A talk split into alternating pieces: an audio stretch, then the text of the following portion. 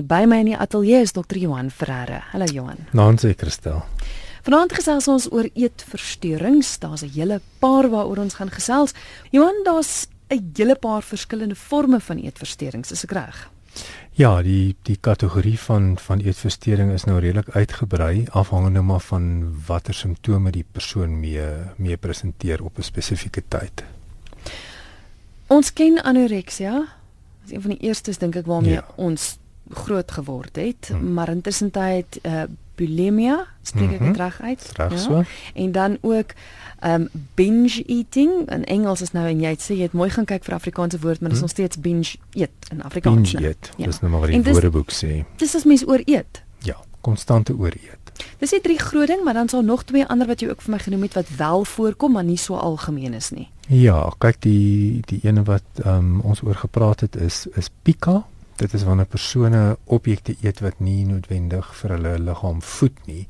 So hulle sal groot hoeveelhede ys eet of dan eet hulle objekte, hulle eet klippe, ehm um, ehm um, muurpapier, ehm um, gewone papier, ehm um, jy weet enigiets wat hulle dan op fokus. Ehm um, maar eet nie hierdie hierdie objekte want dit gaan hulle liggaam voed nie. Dis net 'n obsessiewe gedrag rondom die eet van objekte.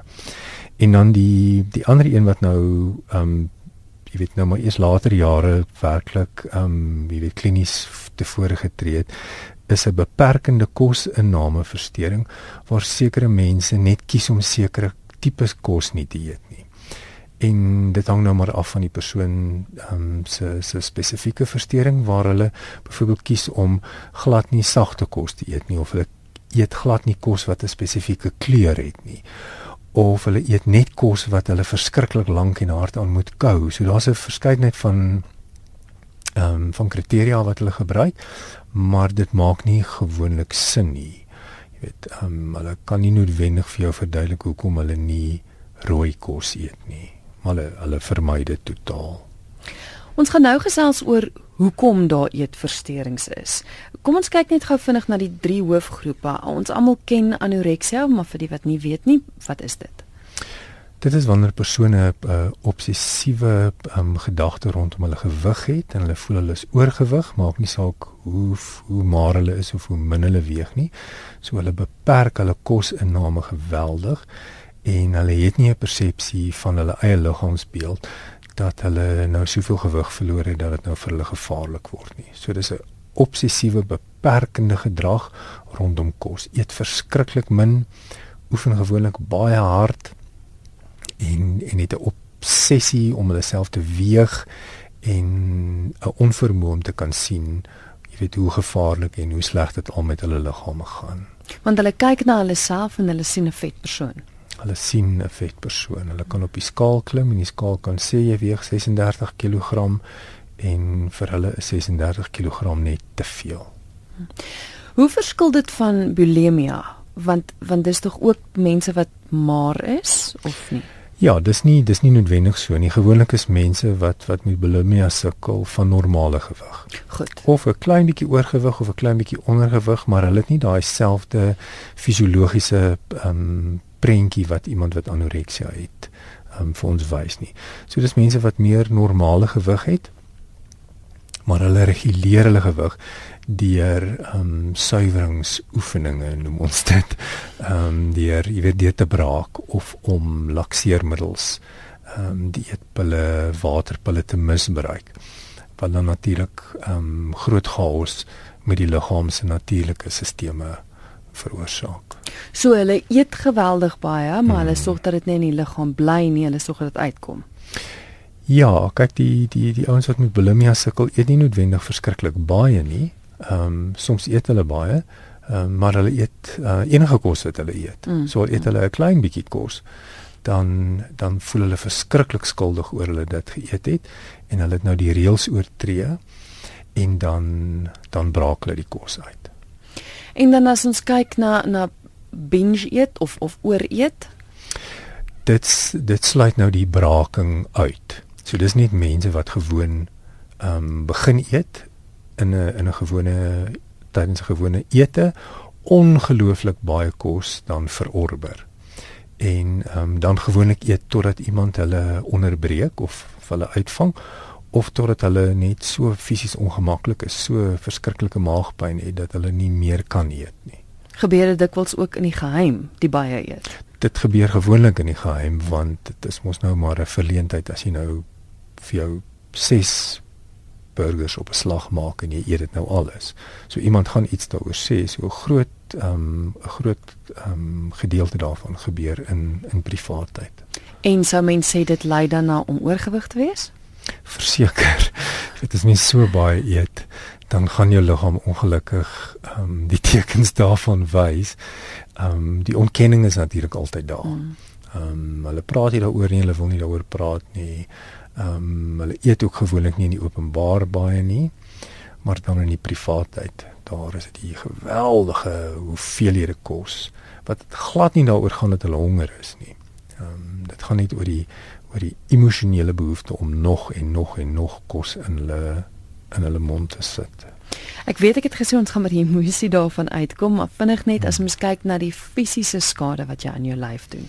Al drie die gevalle dis Ai, groot. Ja dit is geweldig groot. Ehm um, jy weet vir die ouens wat wat braak byvoorbeeld ehm um, die elektrolyt wanbalans wat nou in hulle liggaam ontstaan want hulle hulle hulle braak nou al die kos uit, maar hulle braak nie die kos uit nie, hulle braak ook al die vloeistof uit hulle liggaam uit. Jy weet dit kan lei tot hartsiektes, tot hartverlamming, dit kan selfs tot die dood lei. Ehm um, jy weet iemand wat wat soveel gewig verloor het omdat hulle net gewoon nie eet nie plaas geweldige druk op al hulle organe. Ehm um, jy weet ehm um, meeste vrouens wat wat daarmee sukkel, hou op menstrueer, mens kan onvrugbaar word. So dit het langtermyn gevolge vir jou fisiologie en dit kan baie lank vat om te herstel. Hoekom is daar eetversteurings? Kyk vir meeste mense is daar maar gewoonlik wat ons noem 'n 'n komorbide ehm um, konteks. Dis 'n konteks wat bestaan het voor die die eetversteuring um, begin. So baie mense wat met eetversteuring sukkel, het ook emosionele probleme. Ehm um, so daar's onderliggende depressie of 'n bipolêre gemoedversteuring. Ehm um, daar kan ehm um, daar kan traumatiese gebeure wees wat plaasgevind het, seksuele misbruik. Ehm um, jy weet enigiets wat daartoe kan lei dat persone wanpersepsie van hulle liggaam het. Dit is natuurlik sodat die media geweldige druk plaas op mense oor hulle voorkoms. En ehm um, en dan vind ons natuurlik in sekere sportsoorte en in sekere kunsvorme is daar ook 'n hoë voorkoms daarvan waar ehm um, baie ehm um, ligte liggaamsmassa essensieel is om byvoorbeeld jou kunste kan beoefen of om jou sport te kan beoefen. En waar dit geweldige druk op jong mense plaas om hulle gewig so laag as moontlik te hou. Hmm. En natuurlik is nie almal fisiologies en geneties gebou ehm um, jy weet om soos 'n seewier te lyk nie. Ehm um, sommige mense moet letterlik ophou eet om so min te weeg dat hulle dat hulle byvoorbeeld 'n ballerina kan wees. Ehm um, so dit dit maak dit dit maak dit geweldig moeilik. Ehm um, en en plaas geweldige druk op die op die prestasie prestasiedrang wat sommige mense het. Jy weet om om 'n om 'n 'n uh, hoë vlak gimnas byvoorbeeld te wees. Jy weet, kan jy gewoon net nie baie weeg nie. Um, want jou liggaam moet allerlei hmm. goed doen wat ehm um, wat 'n 'n lae liggaamsmassa vereis. So dit raak baie kompleks en dan ehm um, en dan verval mense in hierdie patrone van van regulering van eet, ehm um, regulering van kos, ehm um, of om dit nie te eet nie of om sekere kos nie te eet nie of om dit dan te eet en dan en dan dit ehm um, uit te braak. Jy is ingeskakel hier op RSG en ons eet oor eetversteurings. My gas is Dr. Johan Ferreira, hy sielkundige hier van Johannesburg. Hier's 'n luisteraar wat sê dat dit is aaklig om met 'n ooreter getrou te wees. Dit is dieselfde as alkoholisme, bloot met minder sosiale stigma. Die resultate is in verhoudings is dieselfde. Ek is 'n dogter van 'n alkolikus en 'n eks van 'n ooreter. Kyk, stel die die luisteraar slaan nou die spyker op die kop. Um, jy weet dit dit val maar in dieselfde kategorie as as 'n verslawing. Dit is mm. iets waar die persoon nie beheer oor het nie en hulle gebruik die kos om hulle self emosioneel beter te laat voel. Mens voel natuurlik nie beter daaroor nie, maar terwyl jy dit doen, is daar die sielkundige persepsie dat ek myself nou vertroetel of ek voed myself. Ehm um, in Engels praat ons van soothing behavior, jy weet jy jy, jy laat jouself beter voel deur nou van die verkeerde kossoorte te eet en jy weet die die ooreters val maar in die kategorie van van sekere kossoorte eet wat ongelukkig dan nou tot ehm um, geweldige gewigstoename kan lei. Maar hoekom is dit so dat mense nog steeds wenkbroue lig oor ander tipe verslawings, maar dat om aan kos verslaaf te wees is, is eintlik maar oukei? Okay? Dit klink net nie so erg nie, Christel, waar waar inderwaarheid het dit geweldige negatiewe effekte in o, jy weet op ons gesondheid, maar dan ook op ons sosiale lewe. Jy weet iemand wat wat wat so oorgewig is of iemand wat so ongesond leef, sy sosiale lewe word direk geraak. Ehm um, jy weet ons leef in 'n in 'n wêreld waar kos deel is van ons sosiale funksionering. Mense eet by mekaar, ons gaan uit vir ete. Ehm um, so as jy as jy ooreter is, dan plaas dit geweldige druk op jou en kan dit baie sosiale spanning byvoorbeeld skep om uit te gaan vir ete saam met mense.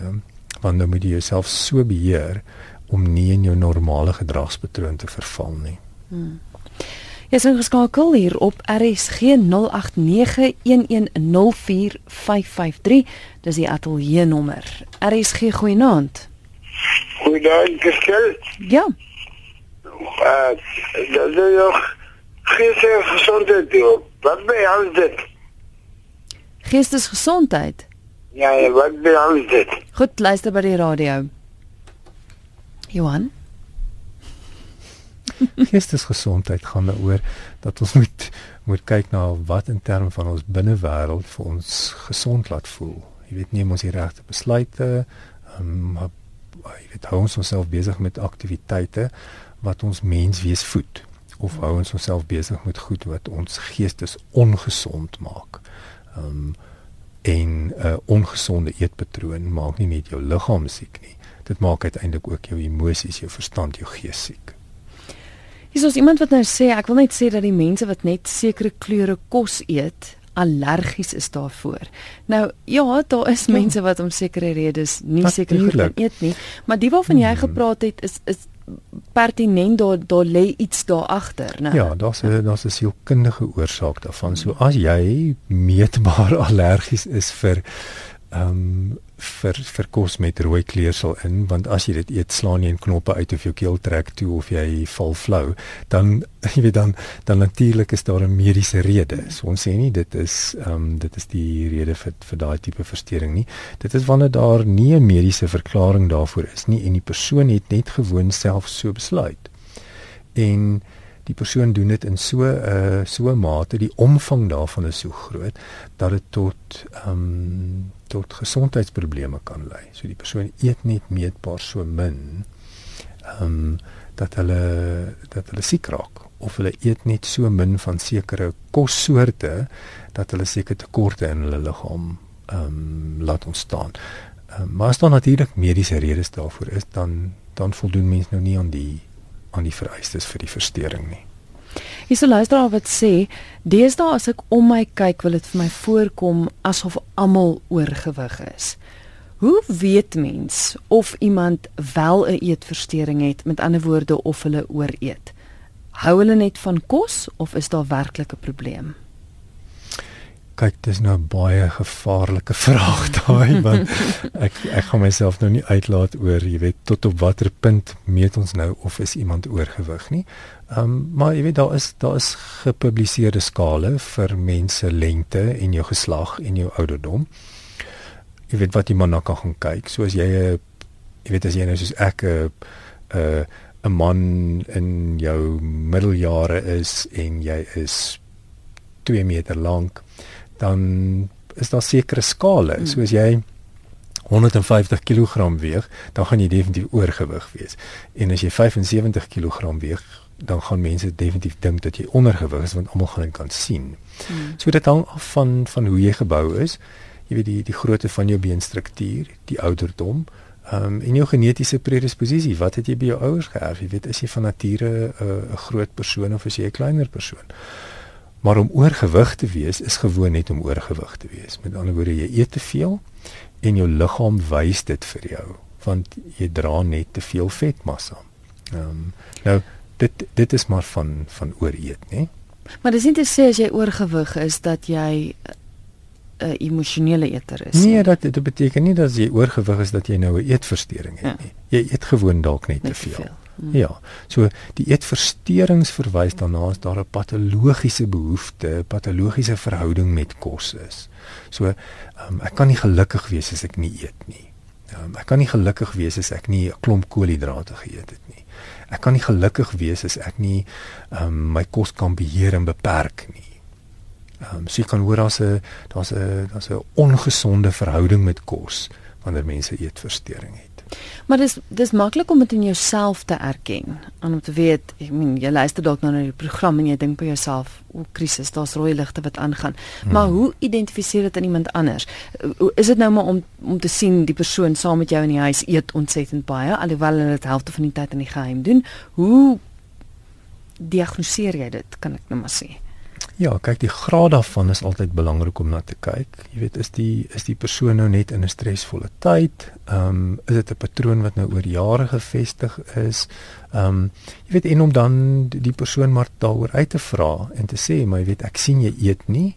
Ehm, um, ek sien jy jy tel al al die kalorieë wat jy in jou bord sit. Ek sien jy weeg jou kos. Nou, sommige mense doen dit wanneer hulle op dieet is.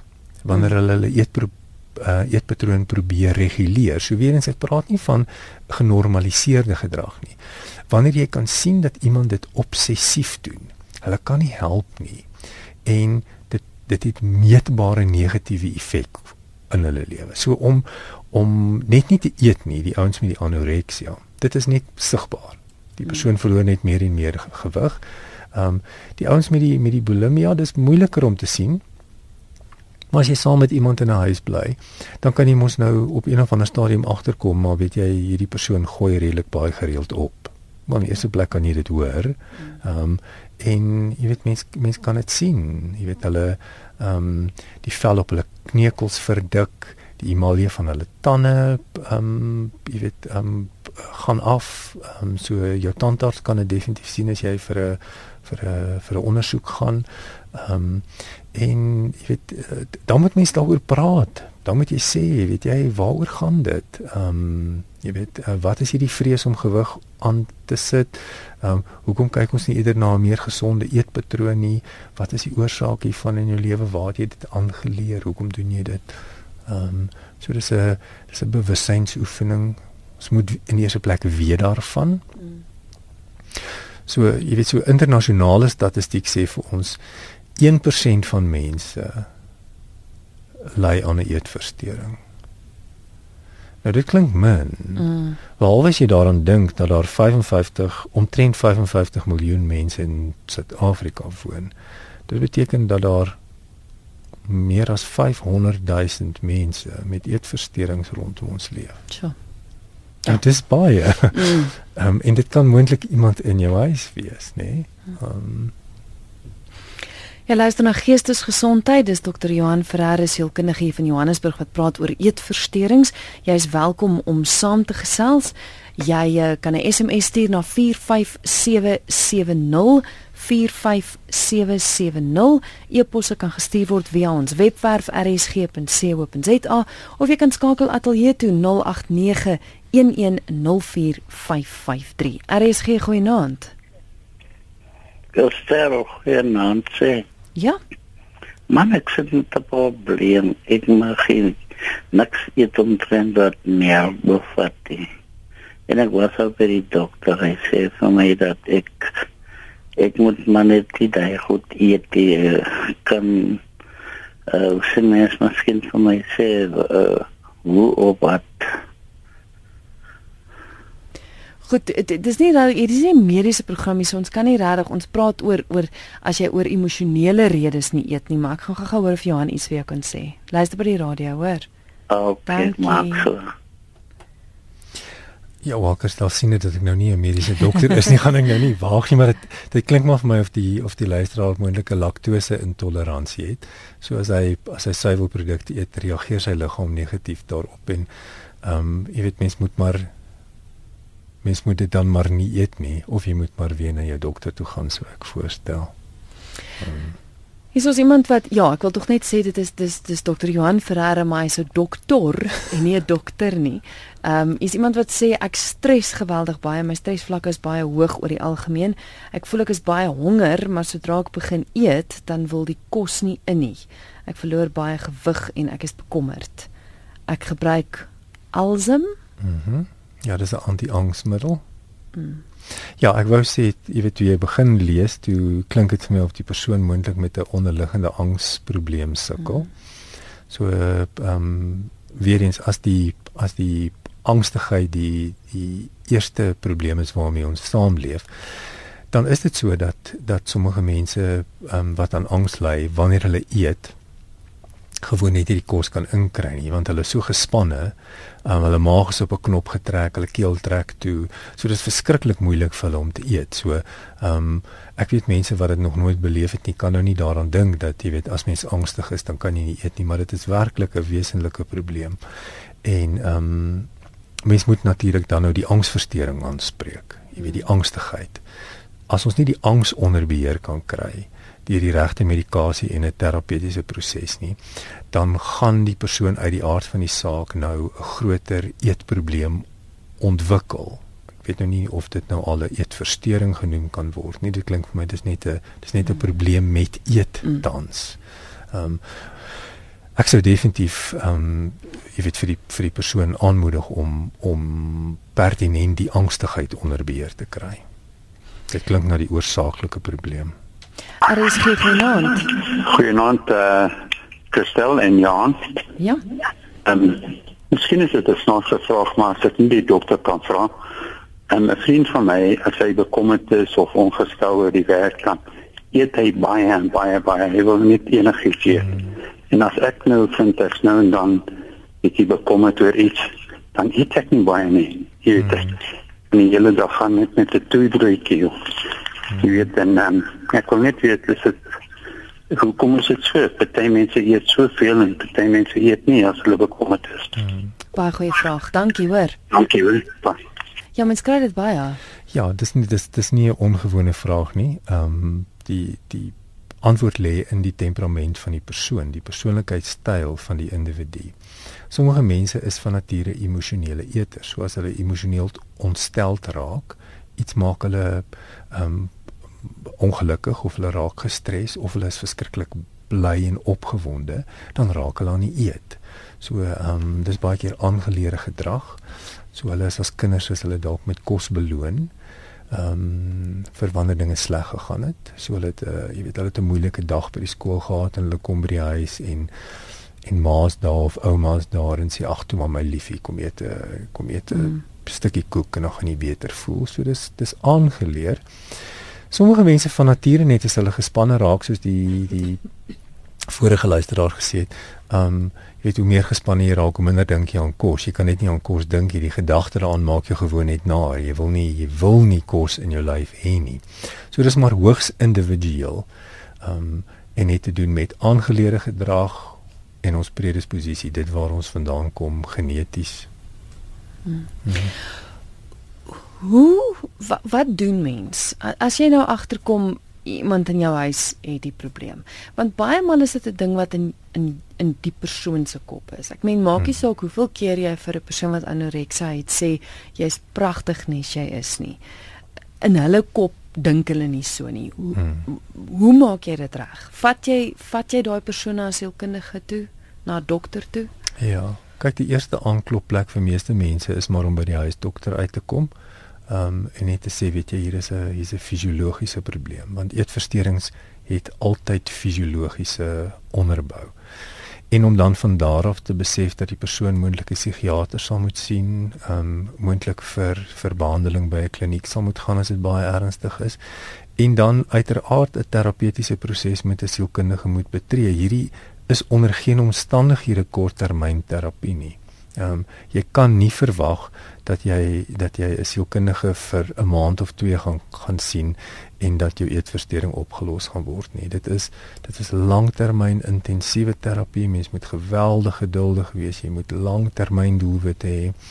En dan moet jy besef om realiteitstoetsing met so iemand te doen. Met ander woorde om hulle te vertel dat dit wat hulle doen verkeerd is en hulle gaan doodgaan daarvan en kyk hoe lyk jy en dis nie gesond vir jou nie. Dit het geen waarde nie. Hmm. So ons moet agter die kap van die byl kom. Wat is dit wat hierdie persoon se selfbeeld so laag maak dat hulle glad nie 'n realistiese prentjie oor hulle self het nie? Wat het in hulle lewe gebeur? Is daar 'n trauma gewees? Is daar herhaalde trauma gewees? Ehm um, wat wat maak dat hierdie persoon se denkproses so irrasioneel geword het dat hulle regtig nie kan sien en kan beleef dat hulle dit met hulle self doen nie? So dit lê op verskillende vlakke en dit word baie kompleks en daar is baie keer ander sielkundige ehm um, onder ondertone tot die tot die proses. Ons moet net onthou dat mense wat aan eetversteurings ly is baie meer kwesbaar om selfmoordpogings te hê. Ja, dis dis bitter moeilik want jy weet as jy nou onderliggende angs het of jy het 'n onderliggende gemoedsversteuring en jy ontwikkel nou uh, jy weet 'n eetversteuring maak dit die hele proses so kompleks en hulle raak so moedeloos en hulle raak so oorweldig deur dit wat hulle beleef. So jy weet dit is nie asof hulle nie weet nie. Ehm um, hulle kan mos nou hulle kan mos nou in hulle denkproses sien, weet jy hierdie ding wat ek doen is vir my sleg. Maar hulle is oorweldig deur die behoefte om beheer in hulle lewe te hê. Hulle wil veilig voel en hulle het nou hierdie modaliteit gekies om beheerende lewe te bring. Dit is vir hulle verskriklik moeilik en dit is 'n dis 'n lang pad wat jy met iemand moet stap en en baie keer is daar terugvalle. Dan gaan dit beter, dan gaan dit weer slegter, dan gaan dit beter, dan gaan dit weer slegter. Ehm um, maar uiteindelik ehm um, is daar tog 'n goeie prognose vir die mense wat wat nou werklik gesond wil word en kan mens werklik die ehm um, die probleem oorkom.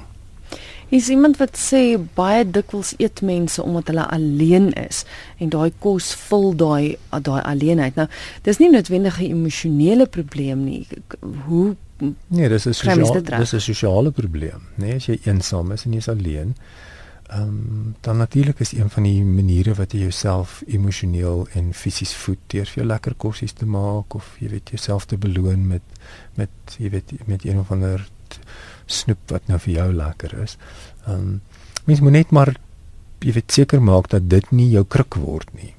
Ehm um, jy weet want as jy dan nou so eensaam en alleen is en jy en jy maak jou lewe beter deur om te eet, dan gaan jy nie gemotiveerd wees om enigiets anders in jou lewe uit te sorteer, deur nuwe mense te ontmoet of om aan sport te begin deelneem of ten minste die kans het om mense te ontmoet nie. So dit kan baie isolerend wees en mens moet maar ergens begin uh, 'n bewussyn gewoonlik van jou probleem is 'n goeie plek om te begin om te besef iets is verkeerd. Is 'n luisteraar wat sê ek word vir depressie behandel. My probleem is dat ek volgens ehm uh, dat ek vervolgens oorgewig is. Ek probeer hard om van 112 na onder 100 kg hmm. te weeg, maar my probleem is dat as ek onder druk is en down voel, dan wend ek my tot voedsel. Hmm. Ek vermy nie voedsel nie en daarmee saam gaan gewoonlik drank. Dit laat my ontspan. Ek voel geen druk dan nie. Hmm. Gedurende die volgende dag gaan dit goed omdat ek vir lang tye sonder kos kan bly. Maar sodra ek by die huis kom, pesel ek gedurig. Ehm um, wat daar ook al in die huis is tot saans laat.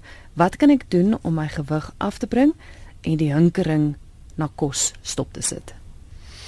Wel 'n goeie ding om te doen is om om weet meer gereeld te eet. Hmm. Om nie in die oggend op te staan en niks te eet deur die hele dag en dan by die aand by die huis toe kom en sterwend honger te wees en dan gewoon net te eet totdat jy gaan slaap nie, dan gaan jy die aard van die saak gewig optel. En dan moet ons maar onthou, jy weet, ehm um, meeste meeste alkoholiese ehm um, drankies het maar 'n geweldige hoeveelheid koolhidrate in. Ehm um, en dit dit is net dit is net jy weet dit dis leeg dit dit voed jou nie, dit maak jou eintlik net vet.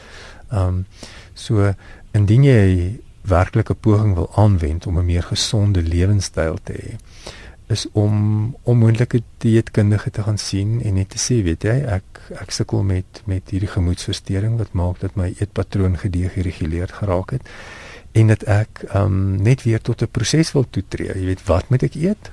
Um en wanneer moet ek dit eet? Anders eet mens net. Jy weet dan dan oortuig jy jouself dat jy nou sterwend honger is en dan as jy nou nog dan die verkeerde kos eet dan voed dit jou nie Mm. Met ander woorde, dit vat nie jou honger weg nie. Dan dan eet jy net meer en meer en meer van daardie kos. Ehm um, wat moontlik daartoe kan lei dat jy dan dat jy dan in 'n binge eater ontstaan. Met ander woorde, jy eet groot hoeveelhede kos op 'n slag. Ehm um, wat baie sleg is vir jou liggaam. Is 'n luisteraar wat sê ek is 'n emosionele eter en die grootste van almal. Ek word woedend as my ma dit ophaal. My ma kritiseer als wat ek deur die jare doen. Ek is net nie goed genoeg in haar oë nie. Dis nie hmm. lekker om vet te wees nie. Dit alles wat jy sê is waar van my. Ag, jy weet nou kom jy se hart breek. Hmm. Nee, jy kan hoor hoe seer kry die mens. Ehm um, die kritiek wat daarmee gepaard gaan is heel waarskynlik uit desperaatheid. Ehm um, die ma weet jy waarskynlik nie wat om te doen om hierdie persoon te help om 'n meer gesonde lewenstyl te hê en nou nou lewer sy maar kritiek. Die enigste ding wat mense kan doen stel is om beheer van jou lewe te neem. Nou op 'n stadium moet jy besef, weet jy, ek wil nie so voel nie, ek wil nie so lyk like nie. Dit is nie gesond vir my nie. Ek gaan nie lank lewe nie. Ehm um, ek wil nie meer my liggaam misbruik nie. En dan moet jy eers op 'n program besluit. Moet asseblief nie op een of ander kits die eet -mm. gaan nie. Dit is so ongesond. Vind 'n lewenstylprogram. Daar's soveel gesonde programme beskikbaar. Ehm um, jy weet waar mense kan betrokke raak wat net vir jou kan leer wat jy moet eet, wanneer jy dit moet eet. En dit gaan uit die aard van die saak jou emosies uitdaag, want as jy nou skielik nie meer al daai trooskossies kan eet nie, gaan jy jouself op 'n ander manier moet leer troos. Maar oefening byvoorbeeld troos mens ook. Nee, as jy eendag gaan stap het of jy het eendag ja. gaan draf of jy was gou gym toe gewees, dan waarborg ek jou liggaam gaan endorfien afskei en dit gaan vir jou baie lekker laat voel. Die enigste ding is nie dis baie baie meer moeite as om yskas toe te loop en gewoon net iets in jou keel af te druk. Um die effek is net die wie die langtermyn effek is net heeltemal anders. So met groot simpatie wil ek vir hierdie hierdie persoon sê, weet jy, niemand gaan dit in jou lewe verander behalwe jy nie. Ehm um, hoe lank jy dit nou ook al doen, maak nie ook nou nie regtig saak nie. Jy gaan moet besluit dat jy dit wil verander. Moet dan vir niemand sê nie. Neem jy 'n besluit en sê ek gaan net eers begin. Ehm um, en neem net een gesonde stap. Hou ten minste net op om die ongesonde kos te eet. Ehm um, hmm. doen 'n bietjie navorsing, lees daaroor. Ehm um, jy weet probeer 'n bewustheid skep van hoeveel koolhidrate op 'n dag eet jy. Ehm um, nee, dat jy net 'n bewustheid daaroor kan begin skep. Dis moeilik, maar dis moontlik. En ek kan daarvan getuig ek het van Oktober verlede jaar af 22 kg verloor. Dit is ook 'n leefstylverandering. Hmm. Dit is moeilik. 'n Party daar is baie moeiliker as ander dae, hmm. maar dit is moontlik. Nee, dit is so. En kyk, jy weet mense praat maklik daarvan dat hulle emosionele eters is, maar mm. dit is so, jy weet as jy jou nou bloediglik vererg vir iets of jy's nou mm. verskriklik hartseer of jy weet iemand is regtig net vieslik met jou gewees oor iets. Dan het ons maar meeste mense het maar die geneigtheid om terug te val na, jy weet as ek nou gou-gou ietsie met hoë suikerinhoud en hoë koolhidrate eet, dan gaan dan gaan dit nou so lekker in my mond voel en dan gaan ek dit nou afsluk en dan gaan ek net beter voel. Wel jy gaan vir 'n klein rukkie beter voel en dan gaan jou bloedsuiker onstabiel raak en dan gaan jy moeg wees en jy gaan aaklig voel. Dit is nie 'n lekker gevoel nie, maar, maar ons moet dit leer. Jy moet dit deur ervaring leer. En dan moet jy dit onthou. Kan mens dit vervang met iets deur om te sê dat as mens so kwaad is en jy wil yskas dat jy vir jou iets anders kry, soos 'n boksak ophang en elke keer as jy iets wil eet, gaan boks of jy moet jy moet iets vind wat vir jou gaan werk. Jy moet iets vind wat jou gaan werk. So jy moet 'n ontladingsplek hê vir jou negatiewe emosie. So of jy glad nie eet nie en of jy ooreet en of jy sekere kos net nie eet nie, as jy vanaand iets hoor wat vir jou dalk bekend klink, gaan lees bietjie daaroor. Ehm um, gaan op die internet, tik dit in uh en kyk wat kom op en kyk of jy iets van jouself daarin herken. En as jy iets daarin herken, besluit met wie jy daaroor wil praat. Ehm um, as jy niks daaraan gaan doen nie, dan gaan niks verander nie. Dan gaan dit so bly. Ehm um, so of dit nou jy is en of dit iemand is wat jy ken wat daarmee sukkel, onthou net ons kan nie iemand dwing om hulle lewenstyl te verander nie. Mm. Ons kan iemand probeer bemagtig. Ons kan hulle help en motiveer. Mm. En motiveer en geduldig wees en vir hulle lief bly en oppas vir die kritiek, maar ek weet ons raak almal moeg, nê? Nee? Jy weet as as dit regtig sleg gaan met mense naby aan ons raak ons moeg daarvoor. Maar om dan maar weer van voor af te probeer. Maar verstaan ek reg, so met ander woorde daar's altyd 'n rede waarom mens 'n eetversteuring het. Jy moet net gaan uitvind wat die rede is. Niemand gaan sommer net van self ooreet of ophou eet of nee. daar's altyd 'n rede. Nee, dit is mos nou maar hoe die lewe werk. Ehm um, ons kies sekere goed in ons lewe bewustelik of ons kies dit soms onbewustelik mm. en sommige goed het vir ons positiewe uitkomste en sommige goed het negatiewe uitkomste. So as jy nou moeg is vir die negatiewe uitkomste en jy sien dit gaan jou lewe steel, dit steel dalk reeds jou lewe. Ehm um, gaan praat met iemand en kyk of jy die moontlike oorsaak kan vind. En dan staan jy 'n goeie kans om dit moontlik oor tyd opgelos te kry. Baie dankie vir die wyse raad. Dis dokter Johan Ferreira. Mag luisteraars jou kontak? Hulle kan gerus my e-pos stuur na johanf@mosaik.com.